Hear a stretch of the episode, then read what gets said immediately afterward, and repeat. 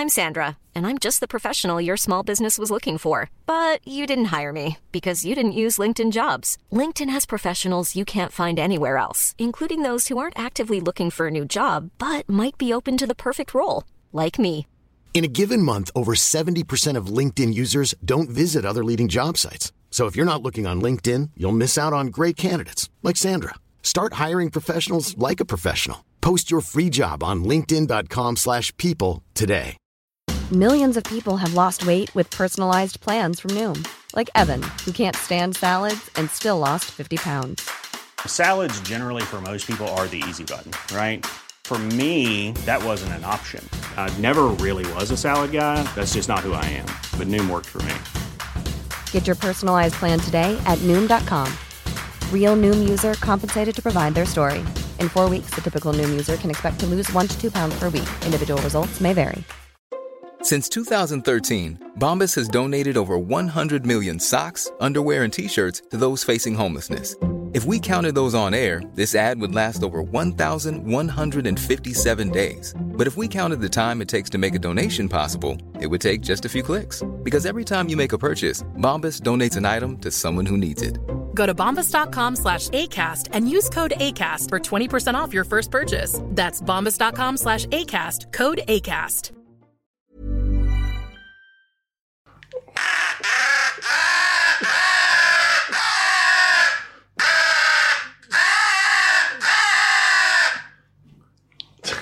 Tänk om någon börjar lyssna på den här podden nu. Vad Ja, fan de är på- det här för jävla Slår de podd? på det mitt i detta? Podplay. Hej och välkomna till podcasten Jägaren med min pappa Daniel da Silva. Hej allihop! Och eh, tack för den eh, introduktionen Elvira. Hur mår du? Jag mår bra. Och du var ju med mig när jag intervjuade Roger Barborn. Kommer du ihåg det? Ja. Du liksom, matade någonting, Jag det? matade hundar och grisar. Mm. Jag fick en bulle och lite saft också. Ty, ty, kommer du ihåg, eh, tyckte du in, intervjun var intressant? Jag bara hörde "Wii, wii, Ja, du hörde när vi satt och lockade såklart. Ja, men du var inte särskilt intresserad av själva intervjun? Nej. Nej, men det hoppas jag att ni är. Idag så ska ni få lyssna på en intervju tillsammans med Roger Barborn. Och Roger är en sån där eh, gubbe som har eh, jagat precis hur länge som helst, hur mycket som helst och har precis hur mycket kunskap som helst. Eh, han är också precis hur ödmjuk som helst. Men jag har valt att eh, bryta ut hans kunskap och eh, fokusera på just svartfågeljakt. Någonting som jag har börjat intressera mig av väldigt mycket det sista. Jag kan också varna er att det blir ett nördigt eh, avsnitt där vi pratar bulvanbilder och olika typer av lockläten, eh, uvar och liknande. Så eh, håll i hatten för alldeles strax så hoppar vi in i Roger Barborns värld och den fantastiska världen av svartfågeljakt. Men innan vi drar igång avsnittet så kommer här ett inslag med poddens huvudsponsor Chevalier. Då befinner jag mig på Chevaliers huvudkontor och mitt emot mig så har jag Johanna. Hej! Hej. Eh, Och idag ska vi prata om hållbarhet. Ja, men precis. Mm. Eh, hållbarhet är ju ett väldigt, väldigt stort område. Eh, vi har valt att dela in det på tre ben kan man säga. Det ena är ju hur vi som företag tänker jättestort utifrån hur vi, ja men nat- naturen, vi är jättemåna om att vi har en natur Mm. och ett djurliv, för annars så kommer vi ju inte att finnas kvar framåt. Nej. Om vi tittar på produktionen då. Eh, där vet jag att ni har ett mål nu till 2023 kring vissa ämnen och liknande. Ja, men precis. Vi har tittat på eh, våra vattenavvisningar. Mm. Alltså det som gör att plagget, vattnet rinner av plaggen så att de inte blir tunga och oflexibla. Eh, och där det används idag väldigt mycket, inte så bra. Man tror i alla fall inte att de är så bra. Mm. Vissa vet man att de inte är så bra. Olika perfluorerade ämnen. Mm. Eh, och där vi nu har börjat hitta mycket bättre alternativ. Mm. Eh, vi vill inte att jobba med sådana svårnedbrytbara ämnen. Nej. Men ni fasar ut de ämnena nu och hittar alternativ utan att egentligen påverka funktionen. Ja, men precis. Mm. Och det är främst på vattenavvisningen vi tittar. Mm. Grymt. Eh, suveränt. 2023, då ska vi inte ha några sådana ämnen kvar i våra produkter. Det är ju en eh, fantastisk målsättning. Har ni kommit långt i arbetet tycker du? Det tycker jag verkligen. Vi är så gott som i mål. Eh, Det är bara lite, några små. Då kan du bara rulla tummarna i två år sedan då. Nej, det kan jag verkligen Nej, inte. okej. Detta är ju hela tiden någonting som man måste påminna och ha koll på. Och nya material kommer in. Och... Ja, grymt. Tack för att jag fick prata med dig. Tack! Ja, då, då sitter jag alltså här eh, med Roger Barborn. Eh, välkommen. Tack så mycket. Hur mår du? Jag mår bra. Härligt. Ja. Eh, och eh, anledningen att vi sitter här är ju för att du, eh, ja men du har jagat hela livet. Eh, jag har ju tittat på, jag tror nog att jag faktiskt har tittat på alla dina filmer. Så jag ska vara Det var bra jobbat. Ja, eh, och framförallt då Svartfågel. Ja. Och jag vet att det är många som eh, är intresserade av svartfågeljakt. Eh, och då är, finns det liksom en person man ska prata med och det, det är dig.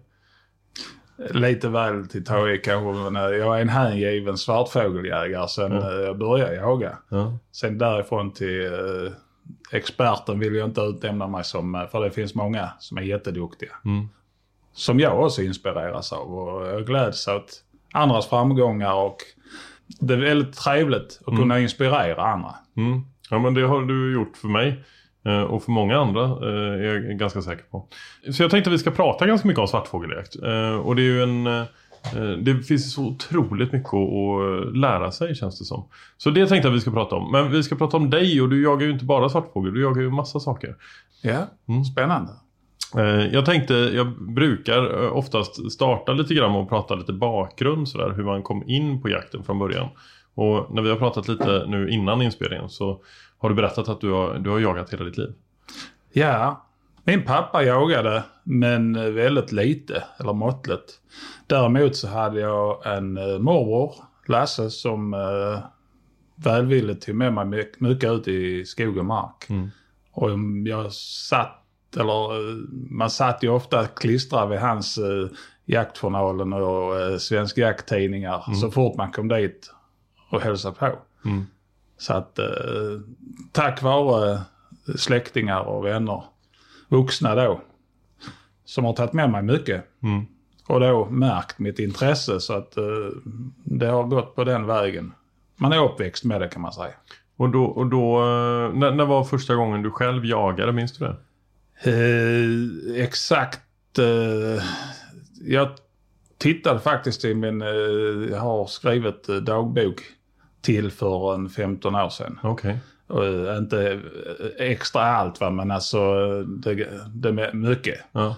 Och jag var 15 år när jag sköt mina första vilt, vilket var två ringduvor. Jag har också en fråga som jag brukar ställa till alla gäster och det är varför man jagar. Eh, och vissa tycker att det är superenkelt att svara på och vissa säger att gud, det har jag aldrig reflekterat över. Eh, hur är det för dig? Var, var någonstans är du på skalan? När jag började jaga det Mm. Så eh, var det ju det stora, var ju spänningen och upplevelsen. Man vistades, man cyklade till, eh, till, ut till gårdarna där de hade jagat eh, rådjur, älg. Fanns inte vildsvin och dovhjort och kronhjort då, här i dessa områdena. Så det var ju... Om helgerna jagades oftast med tax och det var småvilt upp till rådjur. Mm. Och sen var det älgjakten. Tre dagar. Och då eh, efter skolan cyklade man ju ut till eh, de man visste som jagade och hade kontakt med och tittade om de hade jaktlycka. Och det här laget som jag sen mer och mer kom in i eh, lyckades ofta fälla någon älg de här tre dagarna. Så att det var ju allt det här runt omkring. Ja. När man kom in på gården cyklande och där man såg att portarna var öppna och där hängde en, en stor älg Mm. och rök. Och de st- gubbarna stod och flådde där. Man, eh, den ivern. Ja. Alltså det var ju fantastiskt kul. Och spännande. Och sen, i och med de var så välvilliga att ta med mig mycket. Eh, Det var som sagt morbror Lasse, Pelle här i byn och framförallt Peter som eh, var väldigt mycket involverad i jakt. Mm. var väldiga stöttstenar i mitt liv som Mm. jägare när man började. Och nu då, är det, är det fortfarande spänningen? Inte alls på samma vis. Nej. Och det är precis som alla andra svarar, man saknar det. Mm. Nu är du den där gubben som står Ja, och nu flår är jag den där gubben som står. Ja, precis. Eh, Det, det känns faktiskt lite sorgligt Mm. att inte kunna få den spänningen själv. Jag, men jag kan hamna i situationer där, Mm. där man känner jäklar vad nu... Och vad kan det vara? Får jag gissa? Lock. Ja, du får gärna gissa. Rävlock. Ja, räv. Är det så? Ja. Räv, eh, det har alltid varit ett högvilt för mig. Ja. Eh, Förutom kråkvilt, så, eller ja, svartfågel, så räv och Mm. grävling. Alltså det framförallt räv. Den är ju, det är ju ett väldigt listet vilt. Ja. Alltså sommarrävarna kan ju bjuda på lite lättare eh, möjligheter. Mm. Men på höst och vinter, den ger en sällan någonting eh, lätt. Ja. Du kan inte stå och göra en, eh, fel. Du kan inte stå och göra några eh, förhastade rörelser. och Sådär. Och de reagerar ju sådär blixtsnabbt. Ja. Har man jagat annat och, tänker på när man står på rådjurspass och där kommer ett rådjur eller två skotande och du lyfter och gör någonting så stannar de och tittar. Ja. Det kan en räv göra också. Men i flesta fallen så har den ju vänt i steget Ja. och är på väg ja, visst. I dubbel hastighet därifrån. Ja. Men, eh, nej men vad häftigt då. Men då, så, så då kan du fortfarande få kicken. Men annars så, så får du liksom inte den här liksom spänningskicken. Vad är det som gör att du går ut ändå då? Ja, ibland undrar man varför jag jagar jag. Ja.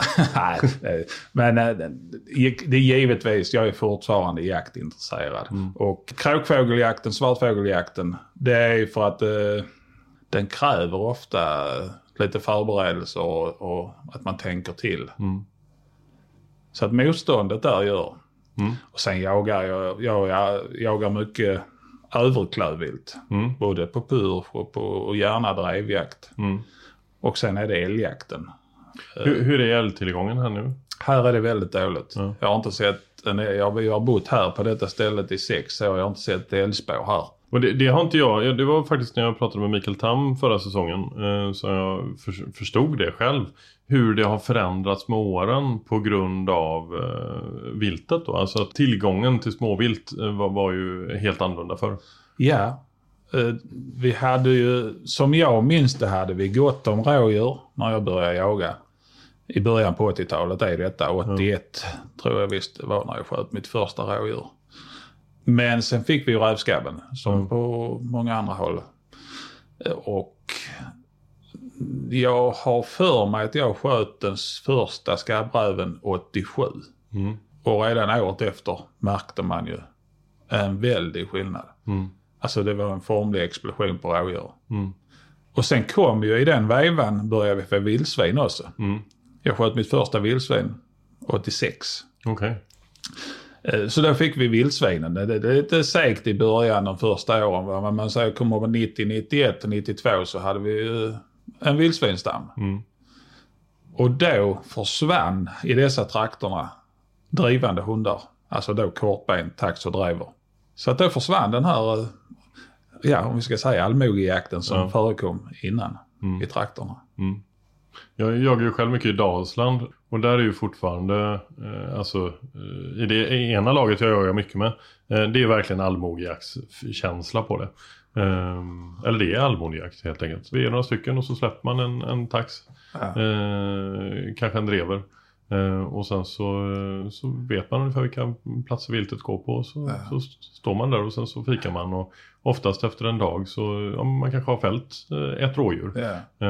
Och that's it. Men det, Ja. då är det liksom mycket mer så här gemenskapen man är ute efter. Och det, det, är, det är något helt annat än de här stora drevjakterna. Ja, men jag kan verkligen säga att jag saknar den jaktformen du precis beskrev som jag då har växt upp med. Mm. För den förekommer ju väldigt liten skala. Den är väl inte helt va, men alltså det, det har nästan försvunnit. Ja. Och jag saknar det. Mm. Nu låter det väl man säger, ja det är inte så viktigt att man ska skjuta. Många tror inte på det va, men eh, man jagar och där finns andra värderingar än just skottet. Sen är det inte sticka under stolen att det är ju grande final när man kommer till skott på, Ja, ett, eh, på rätt vilt och allt går vä- går väl. Men eh, den sociala biten, det är någonting som jag har hela tiden fått mer och mer eh, värderingar om. Det här avsnittet är även sponsrat av Scandinavian Safe. Och jag kommer ringa upp Evelina nu som jag vet har ett riktigt bra erbjudande till er som lyssnar på podden. Välkommen till Scandinavian Safe, du talar med Evelina. Hej Evelina, det var Daniel da Silva här. Men hej! Hej! Du, vet du vad? Eh, vi, vi ska spela in lite grann här tänkte jag och prata eh, om Scandinavian Safe. För jag personligen är superglad att ni vill gå in och, eh, och ha samarbete med, med podden Jägaren. Dels så har du faktiskt ett erbjudande till lyssnarna. Men jag tänkte att vi ska börja med att prata lite grann om att ni är ett familjeföretag, eller hur? Ja, men exakt. Vi är ju ett familjeföretag som drivs av mig och mina tre syskon. Och vi har tagit över Scandinavian Safe från vår pappa som startade bolaget. Och i år firar vi faktiskt 20 år. Så du, du är liksom uppväxt med vapenskåp och säkerhetsskåp runt omkring dig? Exakt, ja. ja. precis. Exakt. Och det vi har gjort nu sen vi tog över det är att vi har försökt att förnya utseendena på skåpen mm. och få skåpen att passa in mer som en inredningsdetalj i, i hemmet eller på kontoret. Utan nu försöker vi liksom pimpa till skåpen lite. Jag har ju själv alltid haft ett eh, vapenskåp, eh, ett Scandinavian Safe-skåp faktiskt, men, men ganska traditionellt i den här liksom vita eh, färgen. Eh, och det har jag haft lite gömt in i en garderob. Men nu har jag faktiskt köpt ett nytt skåp eh, som är SP88 Raw Steel som är supersnyggt tycker jag. Och Det kommer vara liksom highlighten på ett nytt kontor som jag håller på att inreda. Eh, ett hemmakontor helt enkelt där jag ska jobba. Uh, och då, mm. då kommer det verkligen vara, ja men det kommer sticka ut uh, och det kommer stå framme uh, och jag, jag, tror att det kommer bli skitfint. Ja, det är så roligt att höra för ja. det är precis vad jag tänker att många vill och gör, att man liksom vill visa upp skåpet. Så det där är vi superspända på att få se bild på, det måste jag säga. Och, och, ni gör ju mycket projekt kring utseenden på skåpen. Jag vet att ni har gjort någonting tillsammans med Rosa bandet och Mustaschkampen va? Det har vi gjort. Vi, vi har gjort en välgörenhetskampanj tillsammans med Tradera då, där vi har auktionerat ut eh, unika skåp. Och mm. Förra året så var det Carolina Gynning som designade ett skåp till förmån för Bröstcancerförbundet. Och sen så var det Marco Markoolio som designade ett skåp till förmån för Prostatacancerförbundet. Och där går alla pengar oavkort så skänks de till de här cancerförbunden. Och sen vet jag att ni även har en liten grej ni vill berätta för lyssnarna i podden, eller hur?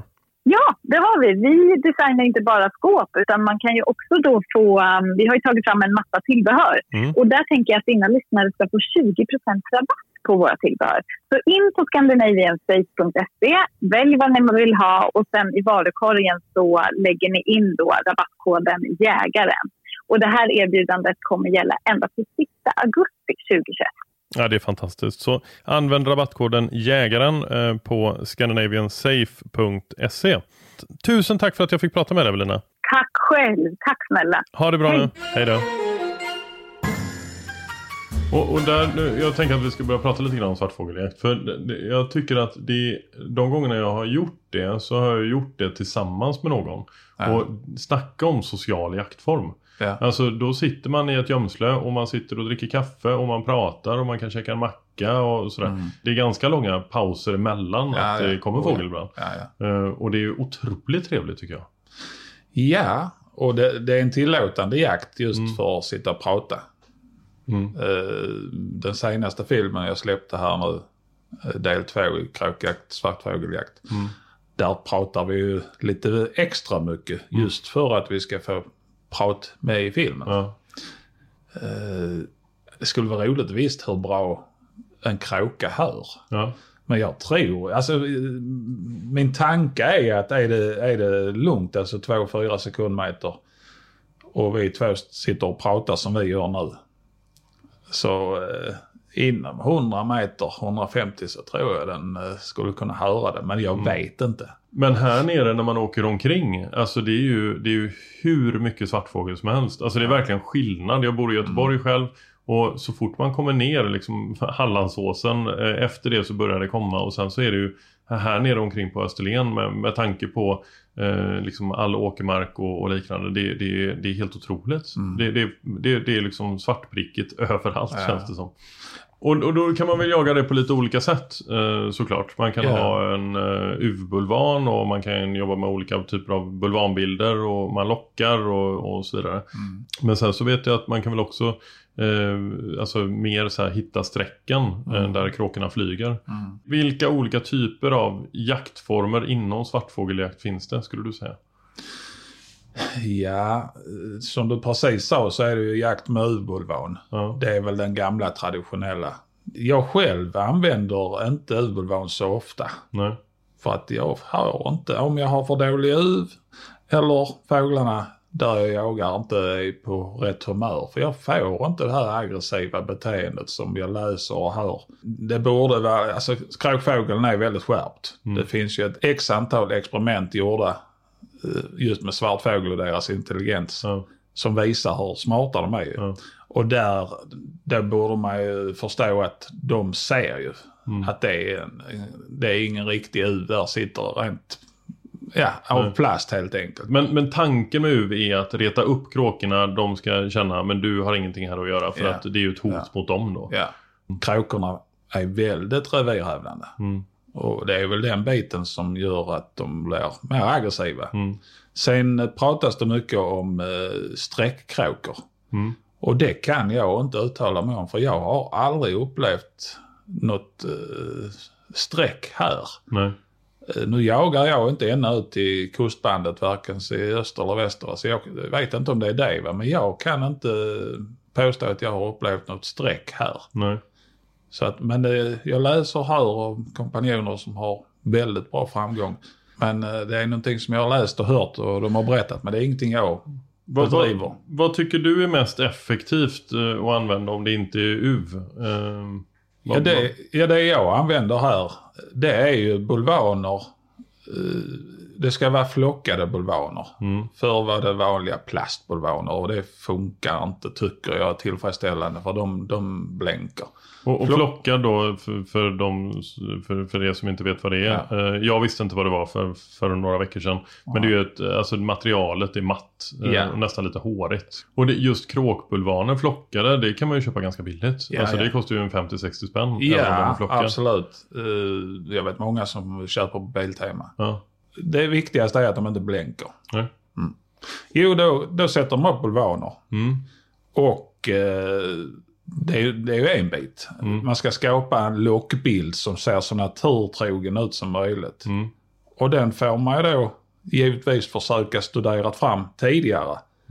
På det stället, hur brukar fåglarna sitta här? Mm. Är det det trädet, den, den uh, hålan eller den kullen eller var? Och då ser du hur de sitter Ja. eh, på riktigt och sen Ja. försöker du återskapa det. de Ja, precis. Hur de, hur de sitter när de är lugna och trygga. Mm. Det är ju den bilden man vill försöka återskapa. Testar du mycket nytt eller har, har du hittat dina sätt? Och, Eh, jag testar, man måste vara öppen. mm. Jag går in med den inställningen, jag vet inte. Nej. Utan testa. Sen märker man ju efter ett hand, alltså, ett tag. Mm. Jagar jag på en gård, en plansilo, så sätter jag alltid någon bulvan. Jag har gjort någon ställning så där jag kan sätta bulvanerna på Mm. den här eh, kanten. För att det är ett naturligt ställe. Givetvis övan på fodret. Mm. Och givetvis någon nere som sitter placerad precis som när fåglarna sitter och, och faktiskt äter i fodret. Och om du är på en uh, åkermark, om du är på en slagen vall till exempel, Mm. hur placerar dem då? Ja, då, det är ju, jag jagar inte så mycket på, på slagen klöver utan det är nysådd Mm. där de gör problem. Eh, och då är det ju att eh, man är, blir lite knuten till vissa ställen blir det ju svårt att gömma sig. Mm. Har man en buske eller man har ett ställe där kan jag göra ett gömsel så får man utgå från det. Mm. Och hoppas på att eh, det är liksom eh, inom den ramen fåglarna rör sig igenom. Hur långt ifrån gömslet brukar du sätta din uh, bulvanbild? Ja, 20-25 meter. Sen beror det på vinden. Ja. För är det en betydande vind så vill fåglarna när de väl ska gå in och slå, alltså slå det betyder landa, gå in för bilden. Så vill de göra det mot vind. Och där har man som jägare chans att välja och styra. Mm. Och så sitter de mitt ute på, en- på en åker i, där man kan ha en stenkula till exempel. En sten ramlar ut på en åker. Mm. Och kanske någon buske. Då har du ju valmöjligheter. Då kan du helt och hållet bestämma. Ja. Vill jag skjuta motskott i huvudsak, sidoskott eller frontskott? ja. Vad föredrar du? Ja, jag vill gärna ha sidoskott eller motskott. Ja. Ja. Det är inte favoritskotten när de flyger ifrån mig. Nej. Det gör de alltid. Nej, men, nej, men eh, jag tycker det är eh, lättare och trevligare med mot och eh, sidoskott. Mm. Jag. Men det är kul när man har den möjligheten att kunna styra det. Ja, verkligen. Sen funkar inte det till 100 procent. Men alltså är det betydande vinst så är det väldigt avgörande och det funkar väldigt mycket. Och, och hagel, alltså när man, vad brukar du köra med sexor eller? Ja, sommaren eh, är det sexor, sjuor i huvudsak. Ja. Jag går gärna upp till fem och sexor Mm. eh, på höst och vinter. Jag, precis som jag jagar rådjur och räv med hagel så de får lite tjockare Mm. fjäderdräkt.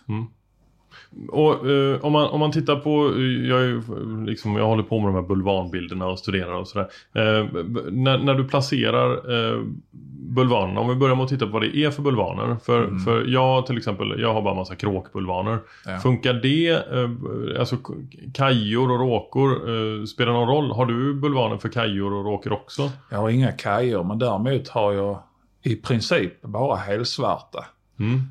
Jag har fått en känsla, det är ingenting jag påstår, men jag har fått en känsla att jag får in fåglar. Om jag nu jagar kaja, råka, äh, kråka. Så just kråkan har, har jag en känsla av att den lättare köper en helsvart bulvan. Okej. Att den har svårare för att säga att den är oäkta Ja. än en, äh, en kråkfärgad, alltså gråsvart. Okej. Men på råkor så spelar det ingen roll? Nej, jag tycker inte det. Är det, vi- utav de här tre, kaja, kråka, råka, är det någon utav dem som är mer dominant än andra? Alltså är det någon, sitter det mycket kråkor? Är det svårare att få in råkor då eller tvärtom? Eller så? Kråkan är ju svårast. Ja. Eh, en kråka är några strå vassare i sin försiktighet. Mm. Det tycker jag absolut. Första juli drar det igång här och då är det väl ganska mycket ungfågel i luften eh, som inte har lärt sig. Ehm, är du ute mycket då? Ja. Ja. Jag eh, börjar faktiskt tidigare på, jag har ett par gårdar som är väldigt ansatta. Ligger väldigt nära eh, stora eh, råkkolonier. Det blir fullkomlig invasion. Där nyttjas skyddsjakten. Mm. Jag är väldigt noga med att studera dem flera veckor. Jag kör och tittar kikarspanar i råkkolonierna. De ligger inte på mitt eh, område men man ser dem så lätt ofta i utkanten eller i byarna eller i stora trädungar. Och där kör jag och kollar. När ungarna eh, börjar lämna, man ser att det sitter inte unga kvar Nej. på, på eh, botopparna eller grenarna. Och sen på gårdsområdena upplever man att det är massa unga helt enkelt. I början är det mest vuxna fåglar och råka är ju faktiskt lätt att se skillnad på unge och eh, vuxen. Mm. För tittar du på näbben, på färgen på näbben. Den så är svart på- Den är helt svart på ungarna. Ja. Eh, och en vuxen är ju jäkligt ful, eh, grå, eh, dassig färg. Så att den, de är lätta att se skillnad på. Mm. Så jag studerar, lägger mycket tid på att studera när, och får liksom känslan att nu kan jag med gott samvete börja skjuta bland de här. För att än om jag i huvudsak inriktar mig på att skjuta ungfåglar, årsungar, så vet jag erfarenhet att förr eller senare så råkar jag skjuta någon vuxen råka också. Och då känns det ju bäst att ha gjort så mycket man kan för att vänta. Så, så när de, eh, säger man ligger på bot? Ja, de ligger så? på egen Ja. Då, då, då är det ingen skyddsjakt för din del? Nej, jag tycker Nej. inte det. Jag, och de lantbrukarna jag hjälper, de köper med det resonemanget att jag menar, har de, har de detta problemet och, det, och då står de ut med det. Det handlar kanske om två, tre veckor. Jag tycker det är jättebra att du säger det för jag tror att många som eh, läser så här skyddsjakt på eget initiativ och så är det året runt. Ja. Men någonstans så blir det ju extremt fel om man skjuter en, en vuxen fågel som har eh, som har ungar i bot. Ja, alltså de, de kan ju inte hjälpa att det är råkor eller det är, vad det är för djur. Alltså, menar, vi måste ha en etisk Ja, det låter tanke. som en väldigt bra eh, inställning. Ja, Mm. ja. Ehm, åter till bulvanbilden. Ehm, vad, vad brukar du blanda upp mer då? Jag har läst någonstans att man kan ha liksom ett par skator vid sidan av. Eller Ja. att uh, har man kanske en, eh, en eh, hare som hänger hemma så skulle man kunna liksom lägga ut den och lite sådär. Mm. Jobbar du så också? Eh, Inte så mycket. Jag har två skåtbulvaner som jag sätter upp ibland. Däremot är det det här med rör, rörliga moment i Mm. lockbilden. Jag har någonting som heter triple motion som syns eh, ganska ofta i mina filmer. Det är här tre pinnar som sticker Ja, ut precis. En liten snurra Mm. med tre bulvaner på. Den använder jag ofta och tycker eh, funkar väldigt bra. Och då har man ett litet batteri till så att den... Där är två, tre, fyra, jag kommer inte ihåg, det är fyra AA-batterier i Okej. det. Ja, och den varar ganska länge. Va? Men duvsnurra, Mm. som är väldigt populärt just framför allt för duvjakt, har, har både jag och jag märker andra börjat använda mer och mer. Är det bara två? Ja, Ja. ja. Och lite längre pinnar? Det är lite längre och den är ofta... Du, du märker ju på mig vad jag sitter och googlar på på kvällarna. Ja, ja precis. Du har inte beställt någon? Nej, jag har inte gjort det. Jag kan säga ärligt, jag använder den i huvudsak på sommaren. Det är Mm. sällan jag använder, använder den på höst, vinter. Varför då? Jag tycker inte jag får effekt av den. Nej. Det den drar, till mig, mitt, min smak, det är kajor och på sommar även råkor. Mm. Men eh, jag har sett Conny, en kompis som jag jagar mycket med, som förekommer i mina filmer. Som är väldigt hängiven och duktig. Han använder den faktiskt eh, både höst och vinter lite då och då. Mm. Och eh, då ser jag att det är ju inte kråkorna som kommer in Nej. och blir eh, attraherade eller irriterade eller nyfikna på den. Utan det är i huvudsak kajorna. Hur, hur eh, skulle du säga att populationen ser ut nu jämfört med förr? Eh, är det, har, har kråka minskat?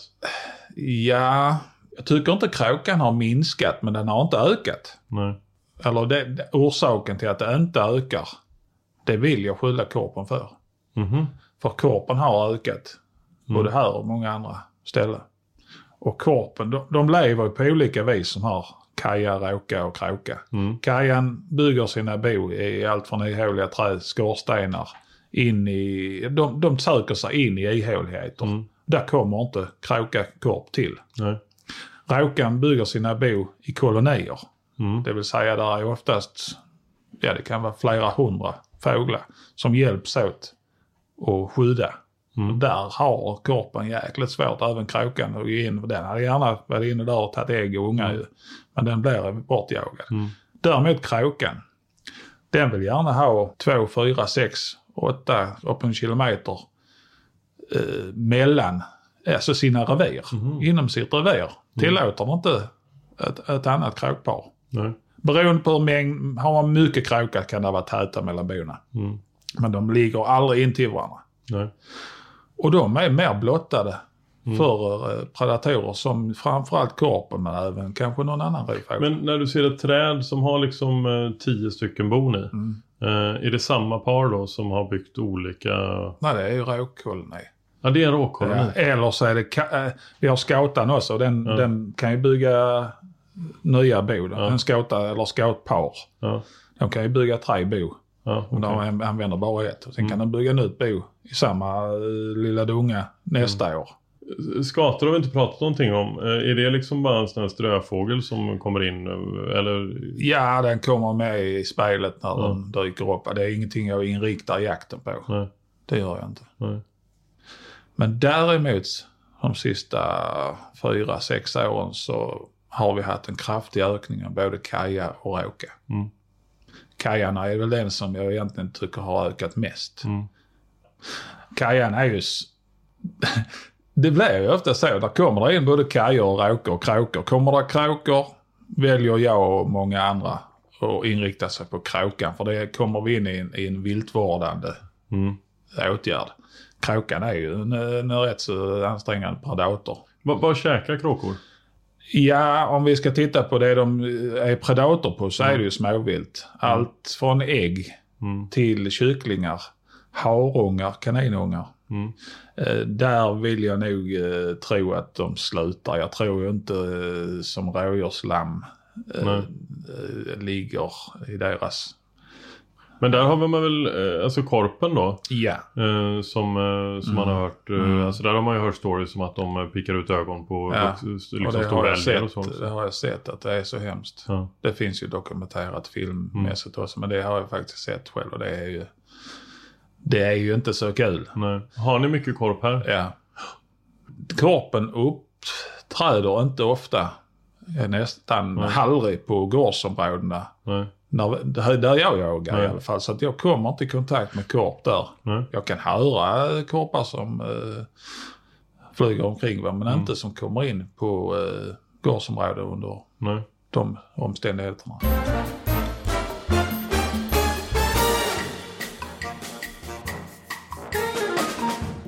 Jag jagar ju mycket tillsammans då med eh, en person som du jagar mycket med som heter Magnus. Mm. Då, då har vi pratat mycket om flygsätt. Eh, Mm. För om, om, om man studerar en fågel på nära håll Mm. eh, då tror jag att nästan alla ser om det är en kaja, råka eller kråka. Mm. Eh, men när de kommer på 40 meter och flyger Mm. eh, så kan det ju vara lite motljus och, eller det kan vara lite dimma. Det kan vara massa olika anledningar. Att man kanske faktiskt inte ser täckningen på den helt. Ja. Eh, hur skulle du vilja säga att flygsättet skiljer sig åt på råka, kråka och kaja? Råka och kråka är väl de som kan då lättast förväxlas. Ja. För de har ju båda, det är fåglar som de är taggigare i sina vingspetsar. Mm. Det, det ser man ju tydligt tycker jag jämfört med, med kajan. Och hur menar du med taggiga? Ja, alltså vingspetsarna är taggigare. Det är mer luft mellan eh, Ja. ja, vingspetsen. ja. Men eh, om man tänker med de eh, förutsättningar att eh, man inte ser teckningen som du nämnde. Mm. Utan eh, bara en svart fågel. Mm. Så eh, jag tycker man ser skillnad på huvudet, näbben. Men det är ju återigen, har du långt håll, 35-40 meter, så är det ju betydligt svårare att se. Mm.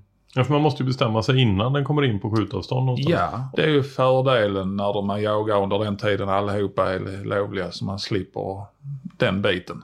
Ja, men det går det går ju snabbt. Eh, Ja. och, och där, jag, men det var spännande. Idag var första gången jag var ute själv. Eh, Ja. Och då var det, det, det blev inte så mycket fält men, men eh, jag lärde mig väldigt mycket på det. Mm. Eh, för då, man får tänka på ett annat sätt. För annars så, så är det alltid någon annan som, ja men utan att man ens tänker på det så brukar Ja. Magnus säga liksom att ah, nu kommer det några råkor här. Ja. Så, kommer, Ja. alltså, så han, han ser ju det innan jag hinner, hinner se det själv. Det är väldigt nyttigt att jaga själv. Mm. För att eh, vi brukar säga det, många tror ju, ja men är man två i gömslet, två bössor, då skjuter man dubbelt så mycket. Kan man inte vara tre, skjuta trippelt, alltså skjuta tre gånger så mycket. Men nej, Nej. det är inte alls säkert att du skjuter dubbelt så mycket för att du är två jämfört med själv. För att Nej. när du är själv så väljer du själv läge Mm. exakt. Ja. Och eh, gömsle då, vad, vad ska man tänka på där tycker du? Ja, var noga med gömsle. Mm. Det är ju faktiskt så. Ja, det finns ju absolut ingen anledning att slarva med gömslet. Nej. Sen kombination klädsel och gömsle. Mm. Är ju bra. Mm. Ansiktsmask, handskar.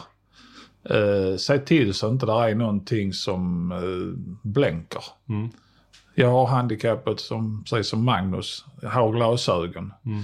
Och det är väldigt noga att försöka placera gömslet. Inte bara för det, men det är en faktor. Mm. Så att jag har solen när den går upp bakom mig. Mm. Så att jag inte får solen i ansiktet. Nej. För eh, rörelse vid glasögon. Och vad, vad, hur tänker du när du bygger ett gömsle då? Vad, vad använder du? Kammonät och eh, du, jag har sett i filmen att du gärna har ett tak också. Ja.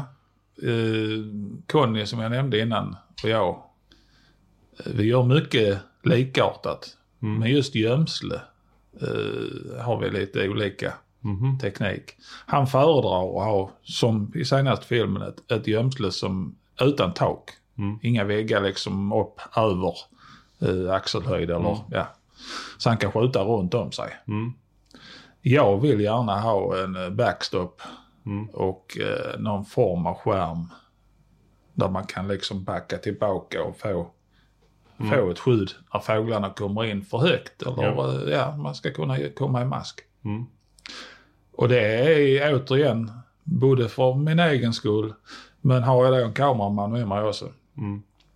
Så att eh, ser fåglarna någonting misstänksamt så då blir det inte bra. Nej.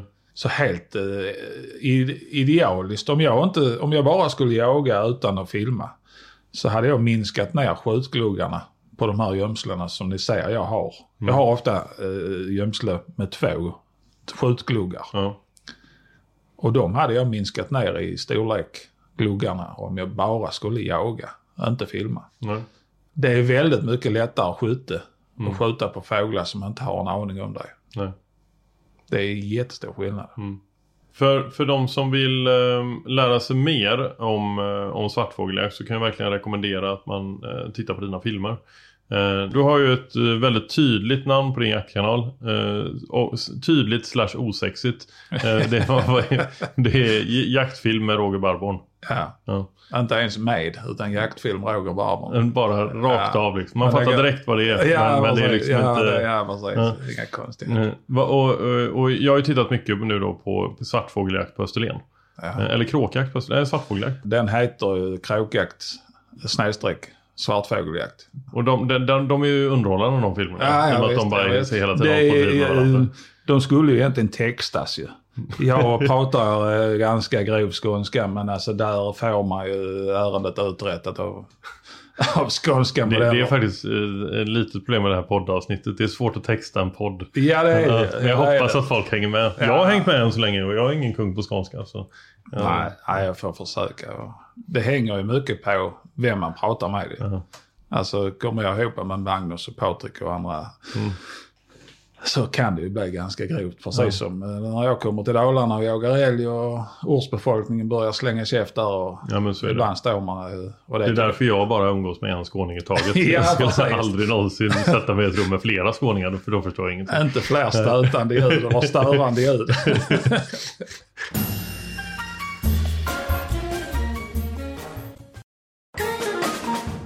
Men, men när, du, när du filmar då eh, så, så tycker jag att man, man lär sig väldigt mycket av att titta på dina filmer. Det, det finns jaktfilmer där jag tycker att eh, jag tittar på jaktfilmen och den typen av filmer jag har gjort det, det är inte alls för att folk ska lära sig någonting för jag, jag är inte rätt person att lära ut utan då vill jag mer skapa en känsla och en atmosfär av jaktupplevelsen.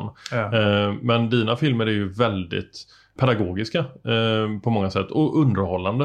Eh, men hur tänker du när du gör en jaktfilm? Ja, nu blir det, men eftersom jag är lite nördig med svartfågel så blir det tyvärr mycket svartfågel.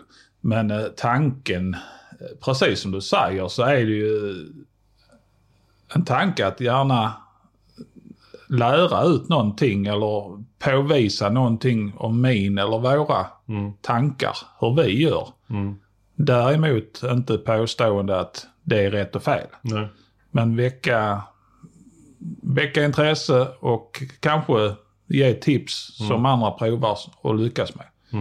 Och jag tänkte vi ska fortsätta på tipsbiten. För du har pratat mycket nu eh, på grund av att jag eh, liksom kan inte få nog. Ja, det är det, det, är säkert, det är säkert många som har slutat lyssna nu för att de inte är intresserade av svartfågeljakt. Men för de som faktiskt fortfarande lyssnar nu, de måste ju vara superintresserade av svartfågeljakt. Ja. Och då har vi pratat om, eh, vi har pratat om gömsle, vi har pratat om bulvanbild, vi har pratat om eh, olika, olika svartfåglar och hur de beter sig och liknande. Eh, men jag skulle prata lite grann om lock. Ja. Ehm, och alltså, jag, jag, jag är så fruktansvärt dålig på att locka. Ehm, jag har testat lite olika piper. Jag vet, du gör ju egna piper. Ehm, eller har varit med och utvecklats. Jag är med, ja, precis. Och jag, jag tänkte om du har någon sån så hade det varit kul om vi kunde testa. Om du kunde liksom demonstrera lite grann. För du har, och det visste jag innan, att det finns en som heter Basic och en som heter Pro. Ja, precis. De Och de säljs säljs ju, två pack då. ja, de säljs ju både i enkelpack och dubbelpack. Om vi då ska... Grund, grunden. Mm. Om du sätter, du har förhöjningar på, på munstycket där bak. Sätter in den och drar fram. Nu kan jag inte prata samtidigt som jag förstår. drar fram den så Ja. den landar liksom bakom tänderna. Ja. Och så... så det här är det här med R-ljudet och du är ingen skåning va, men försök... Inte så hårt. Och så bara så här, precis som du gör. Inte så ta inte i med mycket luft utan bara... Men jag måste ju högre än så va? Ja, För de är men, inte men det viktiga meter. är att du, jag tycker det är mycket lättare att lära sig. Mm. Och så formar du handen lite och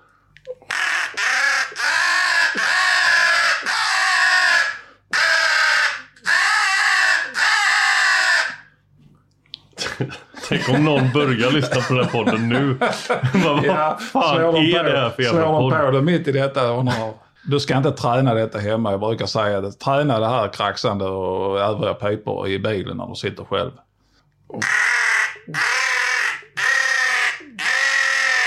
Om man skulle göra ehm, eh, kajernas ljud. Ja. Hur funkar det med de här piporna också? Ja, det är jag, jag hör faktiskt folk som använder både, båda piporna. Mm.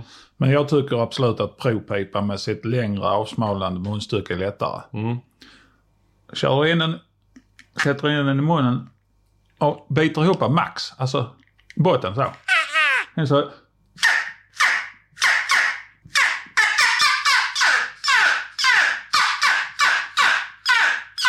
Det låter säkert för jävligt man sitter och blåser rakt in i mikrofonen men eh, Ja. det är det här ljusa. Sen kan du göra väldigt kort. Så, äh, jag, jag tror att nu, nu har vi tappat alla lyssnare. Nu Eh, tycker dottern att det är för högljutt. Ja. Men, eh, Ja, men det- nej men vad fan, det här ska jag eh, tokträna på. Och det vet jag att du har instruktionsfilmer på. Eh, Mm. Så jag, jag kommer sitta eh, hem, hemma, om jag är själv hemma eh, så kommer jag göra detta. Ja, jag, jag Eh, rekommenderar att göra det när du är själv. Många är väldigt glada och får bra respons för att de tycker de är lättblåsta jämfört med många andra pipor. Mm. Och en fördel förutom att de är lätta att demontera och göra rena Mm. är att de kräver inte mycket kraft. Eh, Ja, eh, ska man försöka härma? Alltså när du hör en kråka, Mm. eh, kör du liksom, härmar du den kråkan då? Ja, det är också. Ja. Alltså ofta en kråka som kommer och är lite intresserad men avvaktande sätter sig ofta i, i om det är ett träd, Mm. säger 200-300 meter ifrån. Och så kan den börja lugnt kraxande. Mm. Det börjar jag ofta med att försöka härma den, dens läte. Ungefär samma takt. Ett par, tre gånger. Hur kan det, ge ett exempel på hur det kan låta? Jag tar ju ofta, eh, jag, jag använder bägge piporna, men jag tar ju basic-pipan.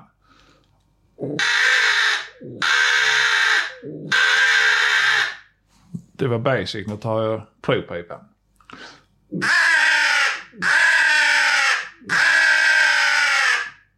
Alltså fan, det låter ju som en kråka. Sen börjar jag att ändra. Mm. Lite ljust och lite mer aggressivt. Mm. Och så är jag tyst en stund. Hur låter en aggressiv kråka?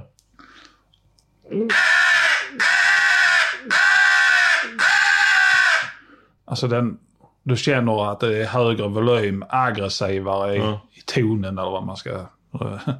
Svårt att förklara det. Ja men visst, den, är men den lät ju förbannad. Ja, skiftar lite olika Men är det en revirgrej då? Att så här, ge, ge, här Nej, ja, det vet jag, inte med, om det har med revir att göra. Men alltså jag tror och inbillar mig att då, då börjar den tänka som sitter där borta. Vad Mm. fasen händer där borta nu eftersom den blev så irriterad. Ja. Och då tror jag, jag vet inte, men Mm. man måste tro på det man håller på med. Det tror jag man kan försöka inbilla den att det är någonting nytt på gång. Mm. Och skapa det intresset att den inte kan låta bli att komma och undersöka det. Mm. Hur många svartfågeljaktdagar har du på ett år? Oj. Ja. Det har slutade för en 10-15 år sedan. Ja, 15-20. Nej, men... Har du jag- slutat räkna? Ja, jag slutade skriva upp så jag har faktiskt inte koll. Men alltså det blir ju en till två gånger per vecka.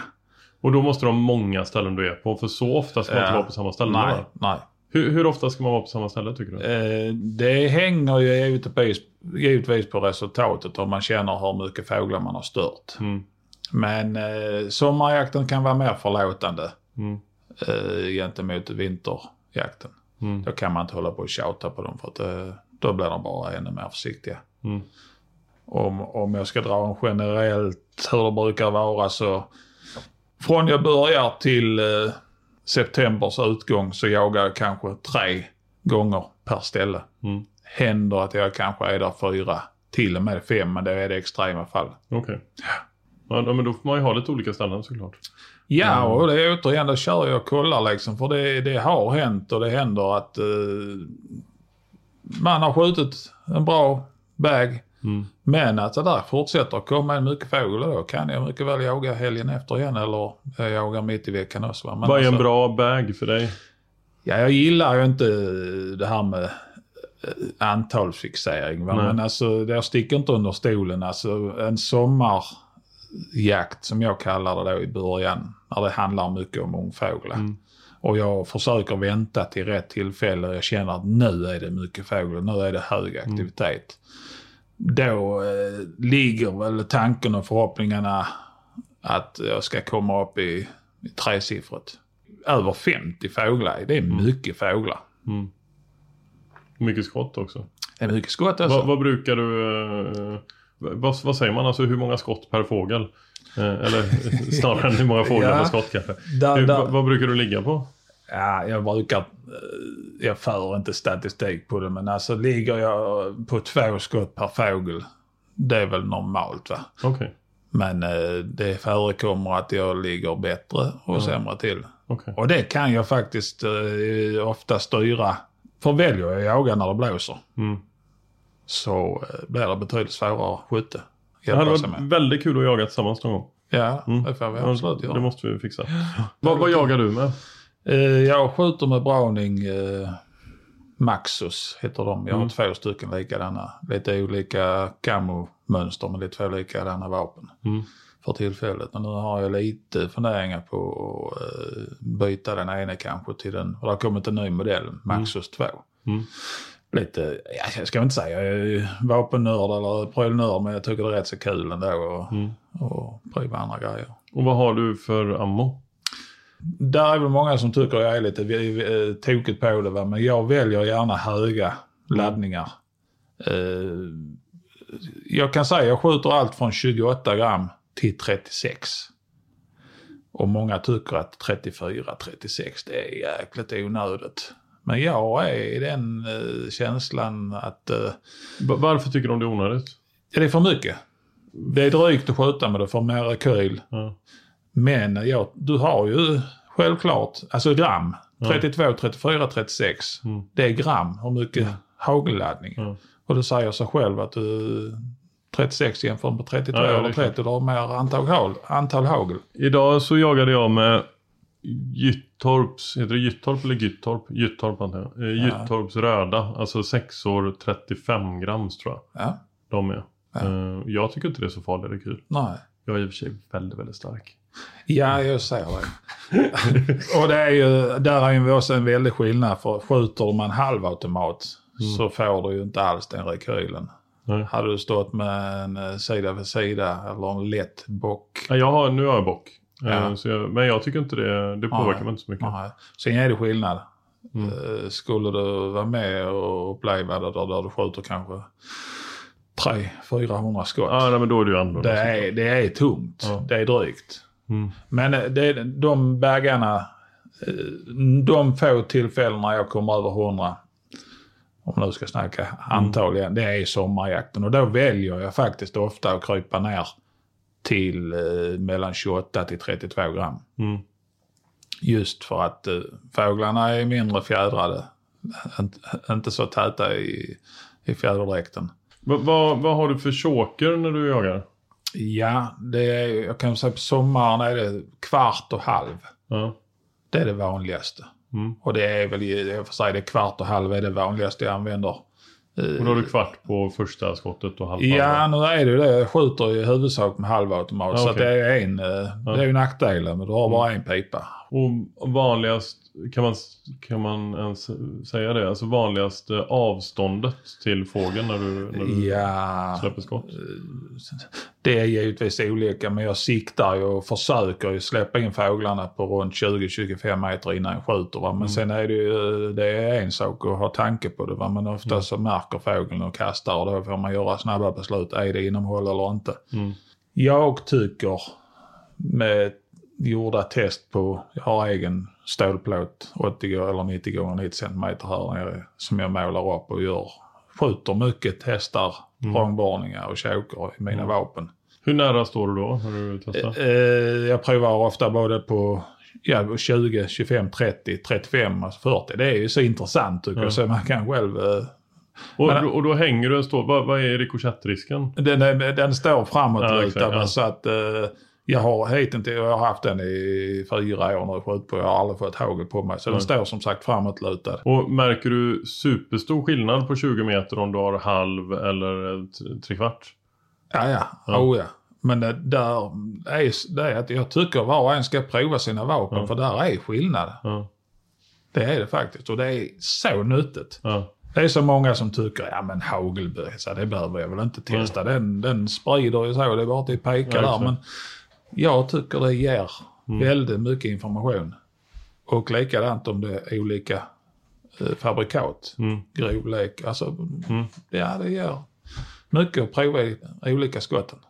Du, vet du vad? Det, det här avsnittet eh, blev ju antagligen ett av de nördigaste avsnitten i att vi har pratat om en och samma sak väldigt mycket. Ehm, och eh, jag antar att du ändå bara känner att vi har skrapat lite på ytan så som eh, Ulf Lindroth sa till mig. Eh, men jag har lärt mig jättemycket. Jag hoppas att lyssnarna har gjort det. Eh, är det så att eh, det finns lyssnare där ute som inte har testat på svartfågeljakt eh, som har kanske möjligheten att, att få testa på det någon gång så kan jag verkligen rekommendera det. Det är en trevlig jaktform. Det finns oändligt mycket saker att lära sig och samtidigt så gör man någonting bra. Det är en viltvårdsnytta, framförallt kråkjakten. Mm. Tusen tack för att jag fick prata med dig. Tack själv. otroligt intressant. Det finns så mycket att lära sig. Ehm, så jag har, jag har att göra. Ja. Mm. Nej, men det är det- Jakt är härligt på det viset. Man blir aldrig fullärd. Nej. Den som säger det, han, eh, vill jag påstå, han säger han har fel. Mm. Nej, underbart. Grymt. Tusen tack. Tack själv. Och stort tack till alla er som har lyssnat såklart. Nästa vecka, då är vi tillbaka på torsdag, precis som vanligt. Med en alldeles ny, rykande, häftig och härlig gäst. Vi hörs om en vecka. Hej!